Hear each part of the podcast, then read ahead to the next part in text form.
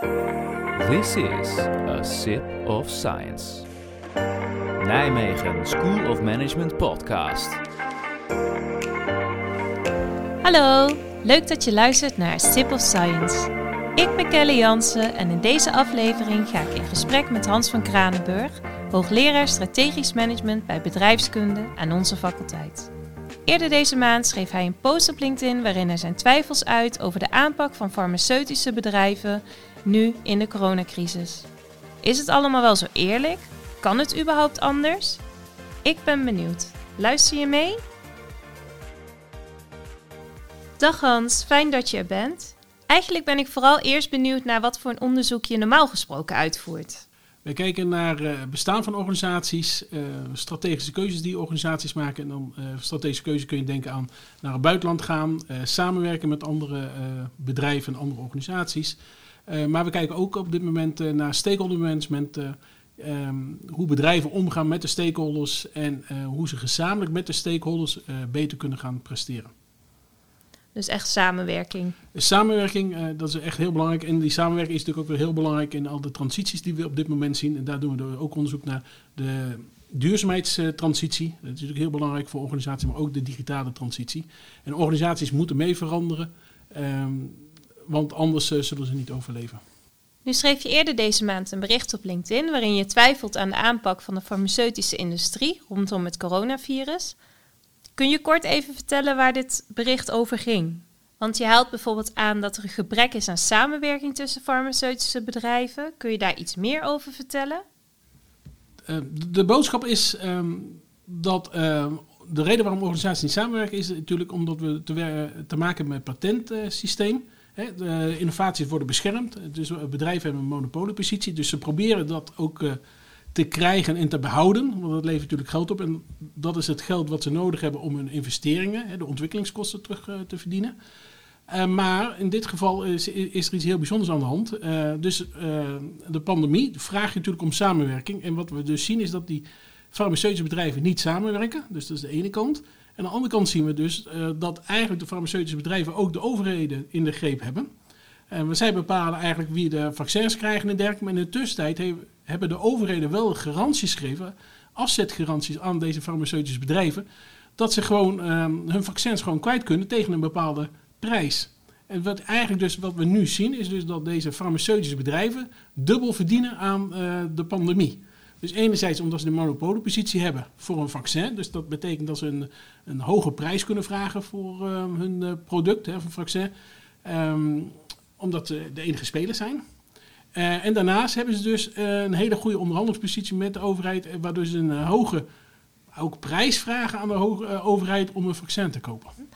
Wat leidde ertoe dat je dit bericht wilde schrijven? De reden waarom ik dit geschreven heb, is dat er heel veel discussie is over een vaccin, het gedrag van de organisatie en ook de rol van de overheid. Maar er wordt relatief weinig gesproken over de organisatie zelf, hè, de farmaceutische bedrijven. En kijkend naar al de discussies, uh, is een aantal keer ook gevraagd van, kan iemand uitleggen wat de rol van organisaties, uh, van de farmaceutische bedrijven nu is uh, in het hele vaccinbeleid?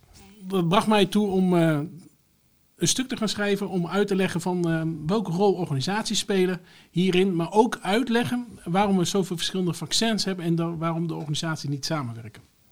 Ja, precies. Want Um, als ik het zo zie, je hebt hier ook uh, de hele situatie eigenlijk geschetst. Um, ik denk dat mensen juist altijd het idee hebben dat de wetenschappers achter de vaccin een soort helden zijn. Maar eigenlijk spelen ze wel echt een spel om de pandemie uit te buiten. Of ben ik nu te kort door de bocht?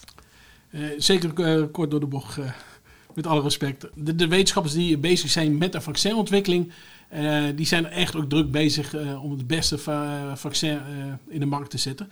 Maar het gaat dus eigenlijk om de organisatie, hè? de farmaceutische bedrijven, de aandeelhouders die een belangrijke rol spelen, het management, topmanagement. Die proberen hun uh, organisatie zo goed mogelijk te positioneren. En uh, het is een hele competitieve uh, sector, industrie waar ze in zitten. Dus ze hebben te maken met de concurrenten. En ja, ze proberen natuurlijk zo groot mogelijk aan, marktaandeel te krijgen. Plus dus die druk van de aandeelhouders. Want de aandeelhouders willen een hoog mogelijk rendement hebben op hun aandeel ja, dwing eigenlijk deze organisaties om ja, zich uh, toch wat meer individualistisch te gedragen, uh, meer naar zichzelf te kijken en soms collectief wat meer ondergeschikt te laten. Dus eigenlijk wat hier krijgt is een soort spanning tussen enerzijds wat we altijd zien is winstgevendheid van organisatie en de maatschappelijk verantwoord ondernemen. En eigenlijk het interessante in deze situatie is dat bedrijven altijd zeggen van nee, we zijn heel erg bezig met maatschappelijk verantwoord ondernemen.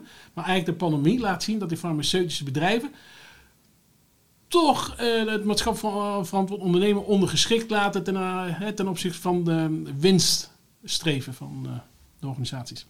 En is dit iets wat je vooral bij farmaceutische bedrijven ziet? Of heb je ook voorbeelden van ander soort bedrijven die eigenlijk misschien stiekem ook veel meer die winst laten gelden boven een maatschappelijk belang? Ja, we zien natuurlijk uh, regelmatig in het nieuws hè, dat uh, bedrijven toch uh, bezig zijn toch weer met zichzelf winst maximaliseren. met ik denk dat het een heel mooie situatie geweest is. In de COVID-situatie liet het heel goed zien. organisaties als Booking.com, um, Airbnb, die aanklopten bij de overheden van kun je ons helpen. Maar het jaar daarvoor gigantisch veel dividend hebben uitbetaald aan aandeelhouders. We zien natuurlijk recent ook weer uh, bij Air France KLM. Uh, je kunt het gewoon simpelweg niet uitleggen dat deze organisatie aanklopt bij de overheid voor steun. Uh, mensen moeten ontslaan en in de tussentijd krijgt de topman een bonus. Ja. Nou, hoe ga je die bonus uitleggen? als je realistisch bent, moet je gewoon heel eerlijk zijn. als de overheid niet ingrijpt, gaat de organisatie failliet. Dan krijgt niemand een bonus. En waarom zou dan deze persoon een bonus krijgen? En alle anderen die net zo hard werken voor de organisatie en net zoveel hard hebben voor de organisatie, wellicht wel meer, um, geen bonus krijgen, maar zelfs um, ontslagen worden. Nee, dat voelt absoluut niet eerlijk. Um, maar is dat ook niet een beetje het idee, uh, zijn er überhaupt alternatieven? Ik bedoel, bedrijven, zijn die er niet gemaakt om winst te maken? Nou, bedrijven moeten natuurlijk altijd winst maken. Uh, maar dat is natuurlijk, eh, ze moeten zorgen dus dat ze levensvatbaar blijven. Uh, dus voldoende winst maken dat ze weer kunnen investeren en dergelijke. Maar dat wil niet zeggen dat ze winst moeten maximaliseren. Want dat is wat vaak vergeten wordt bij organisaties: dat organisaties sociale contracten hebben. Uh, ze sluiten sociale contracten af uh, met de verschillende stakeholders, de interne stakeholders als werknemers. En um, je sluit een contract af um, dat beide uh, bewust zijn van het contract. En uh, niemand zegt tegen de ander van... Uh, hey, we hebben een contract afgesloten, maar nu mag je misbruik maken van de situatie... en je eenzijdig bepalen wat allemaal gedaan wordt. Nee, zo sluiten we geen contract af. Um, dus dat is één. maar je sluit ook contract af met de samenleving. Een, een bedrijf mag ergens, zich ergens vestigen. Dat betekent dus dat wij toestemming ook geven aan de organisatie om daar te vestigen. En dat zeggen we ook niet tegen het bedrijf eh, van, de, ja, nu we dat uh, gedaan hebben, het is meer een impliciet contract, maar nu mag je ook de grond vervuilen. Dat is natuurlijk, nie, niemand sluit een contract af door te zeggen van, oké, nu hebben we een contract. De bedoeling is dus dat we er beide beter van worden. Maar omdat een wat sterker is dan de ander, domineert in dat gebeuren, mag daar misbruik van maken. Nou, dat vinden we nergens goed. Nee, als je ook bijvoorbeeld kijkt naar de, de ethiek, ook in de filosofie, is het eigenlijk um, best wel erg wat er nu gebeurt. Dat een, een schaars goed, dus de vaccins, zo worden uitgebuit. Um, en je noemt in je, uh, in je stuk op LinkedIn ook eigenlijk twee dingen die moeten gebeuren. En dan heb je het over systeemverandering en over gedragsverandering. Um, heb je een idee hoe, hoe dat, kunnen we dat nog teweeg brengen rondom uh, het vaccin? Ja, als we willen, kunnen we dat. Uh, en dat is gewoon heel simpel. Uh, we geven een, een, bescherming af, een patent. In dit geval de pandemie uh, vraagt gewoon uitzonderlijke situatie, uitzonderlijke maatregelen. Dan moeten we gewoon kunnen besluiten van, ehm, we gaan samenwerken. de patent laten we vallen. En, nogmaals, die zijn wel heel belangrijk om organisaties te stimuleren om innovatief te zijn. Want we weten gewoon, ontwikkelingskosten van een vaccin zijn gigantisch, en miljarden. Ehm, maar de organisatie moet ook tijd krijgen om dat terug te verdienen. Want doe je dat niet, dan uh, wat je dan krijgt is dat de concurrent denkt van... hé, hey, die hebben een mooie uh, vaccin ontwikkeld, nu gaan we dat kopiëren. Wij hoeven de ontwikkelingskosten niet te betalen. Uh, het gevolg daarvan is dus dat zij de winst maken... en het bedrijf dat ontwikkeld heeft, uh, krijgt de ontwikkelingskosten nooit terugverdiend. En hè, daarboven nog een keer winst maken. Dus dat is de reden waarom we het systeem hebben ontwikkeld. Dit vraagt om een, de pandemie vraagt om een andere aanpak. Het is ook maar een ja, een bijzondere aanpak, wat je normaal gesproken niet doet. Uh, dit is gewoon in belang van de, de hele wereld. Dat je gewoon zegt van oké, okay, uh, laten we nu gewoon tijdelijk de, de patent schieten. Um, iedereen, die bedrijven gaan samenwerken. Ze hebben allemaal kennis. En dat is eigenlijk wat we nu ook zien. We hebben verschillende vaccins. er is altijd wel wat mee. Ik ben ervan overtuigd, als ze samen hadden gewerkt, hadden we nog een betere vaccin op de markt gehad veel effectiever, veel sneller uh, de markt en waren we sneller ook uit deze situatie gekomen. Dan is het natuurlijk interessant, want ze willen wel hun ontwikkelingskosten uh, terugverdienen. Dat kan omdat de overheden de garant staan voor de afzet. Die bieden al de prijs. Dus de ontwikkelingskosten worden gewoon al uh, terugverdiend door deze organisaties. Um, dus in dit soort uitzonderlijke situaties moet je gewoon dan zeggen van oké, patent, daar, die schorsen wij even op. En wanneer het weer allemaal genormaliseerd is, eh, dan eh, eh, kun je gewoon weer patent aanvragen. dus dat is de ene kant. En aan de andere kant mag je dus ook verwachten, we hebben het de hele tijd over maatschappelijk verantwoord ondernemen. Bedrijven zijn er zijn altijd heel bewust mee bezig. Nou, we zien in de pandemie dat dat toch ja, niet altijd het geval is. Dan moet je ook misschien ook gewoon zeggen tegen de industrie zorg nou in ieder geval dat je ook een uh, code of conduct hebt.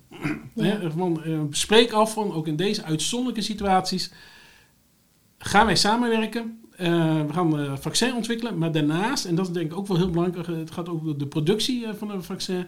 Um, iedereen kan meewerken, je kunt het ook uitbesteden aan andere bedrijven. Het gevolg daarvan is dus dat we veel sneller aantal vaccins hebben wereldwijd kunnen verspreiden. Met het gevolg uh, uh, dat we dus uh, de pandemie snel onder controle kunnen krijgen. Ja, um, ik zat nog wel even te denken over die, met dat patent, die bescherming. Um, je gaf aan voor de pandemie dat we nu tijdelijk die bescherming opschorten. Um, maar is het niet een idee dat we überhaupt die bescherming opschorten? Ook, we merken het ook met medicatie voor andere ziekten. Um, ehm, MS hebben we nog geen medicijn voor. Voor bepaalde kankersoorten zijn we nog uh, druk bezig met onderzoek. Um, waar patent misschien ook een rol uh, speelt. Hoe denk je daarover? Of brengt dat juist weer nieuwe problemen teweeg? Het brengt zeker nieuwe problemen teweeg. Um, het is natuurlijk, uh, wat ik aangeef, die ontwikkelingskosten, hè, die zijn gewoon gigantisch hoog. En bedrijven moeten ook uh, de kans krijgen om die terug te verdienen. Hè. Daarom hebben we de beschermconstructie uh, ingevoerd. Uh, doen we dat niet, ehm, dan zal de innovatiekracht van organisaties aanzienlijk minder worden. dus dan zijn we op lange termijn slechter af als samenleving zijn. Dus dat ze, je moet dat gewoon wel handhaven, het systeem.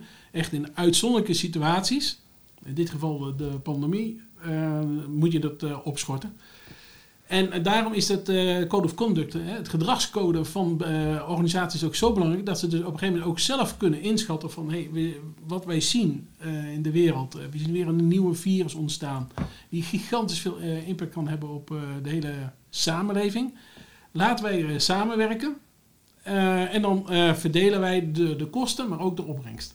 Nou, en, dus daarom is de wisselwerking tussen het systeemaanpassing en eh, eh, de, de, de, code of conduct van eh, deze organisaties. Beide zijn essentieel om hiertoe te komen. Dus de een sluit het andere niet uit. Je hebt ze beide nodig. En wie zou dit zeg maar kunnen beginnen? Wie, wie zou deze rol eigenlijk om die veranderingen teweeg te brengen? Um, wie zijn daar de aangewezen personen voor? Zijn dat de organisaties zelf? Komt dat vanuit de overheid? Zijn dat politici? Wie, ja, wie zou dat kunnen doen? Nou, de Wereldhandelsorganisatie speelt hier natuurlijk een hele belangrijke rol in. Ehm, de Europese Unie uh, speelt hier natuurlijk een hele belangrijke rol in. Zij hebben gewoon natuurlijk wel de macht en ook de, ja, de, de bevoegdheden om deze aanpassingen te doen. En de mensen zelf, individuen, kunnen die nog wat betekenen? Nou, ehm, dat, dat, is natuurlijk lastig, omdat zo eerlijk moet je wel zijn, natuurlijk, uh, de partijen waar je tegenover staat, die zijn natuurlijk wel heel sterk en machtig. Uh, en, die hebben behoorlijk wat uh, financiële middelen. Dan moet je dus als individu wel heel sterk staan om daar tegen te kunnen opereren. Maar wat je wel kunt doen is natuurlijk mobiliseren. Hè, zorgen dus dat er een belangengroep ontstaat. en dan gaat lobbyen bij de overheden, paar politieke partijen. Maar aan de andere kant mag je ook verwachten, we zijn allemaal natuurlijk onderdeel van deze samenleving eh, dat we ook een andere mindset gaan krijgen. Dus veel minder uh, op uh, winstbejacht gaan. maar dat we ook realiseren, hè, wat ik net al zei, die sociale contracten zijn zo belangrijk. dat doen we gezamenlijk. Hè. We gezamenlijk eh, zijn we onderdeel van deze samenleving en dat betekent uitbuiting hoort daar geen onderdeel van te zijn. En is dit ook iets wat terug gaat komen in je eigen onderzoek? Kun je misschien een tipje van de sluier geven waar je nu zelf mee bezig bent? Ja, dit uh, komt zeker uh, terug, want wij doen onderzoek naar de Responsible Organization, het verantwoordelijk bedrijf. Nou, daar kijken we dus al naar van, oké, hoe gaan bedrijven om met waardecreatie? En dan is het niet alleen de economische waardecreatie, de financiële, maar ook kijken naar ecologische en maatschappelijke waardecreatie. Dus het moet, waar we naar streven is een, het moet een win-win situatie zijn voor alle partijen. Of anders gezegd, geen één partij mag er eigenlijk op achteruit gaan. Hartstikke mooi, dankjewel.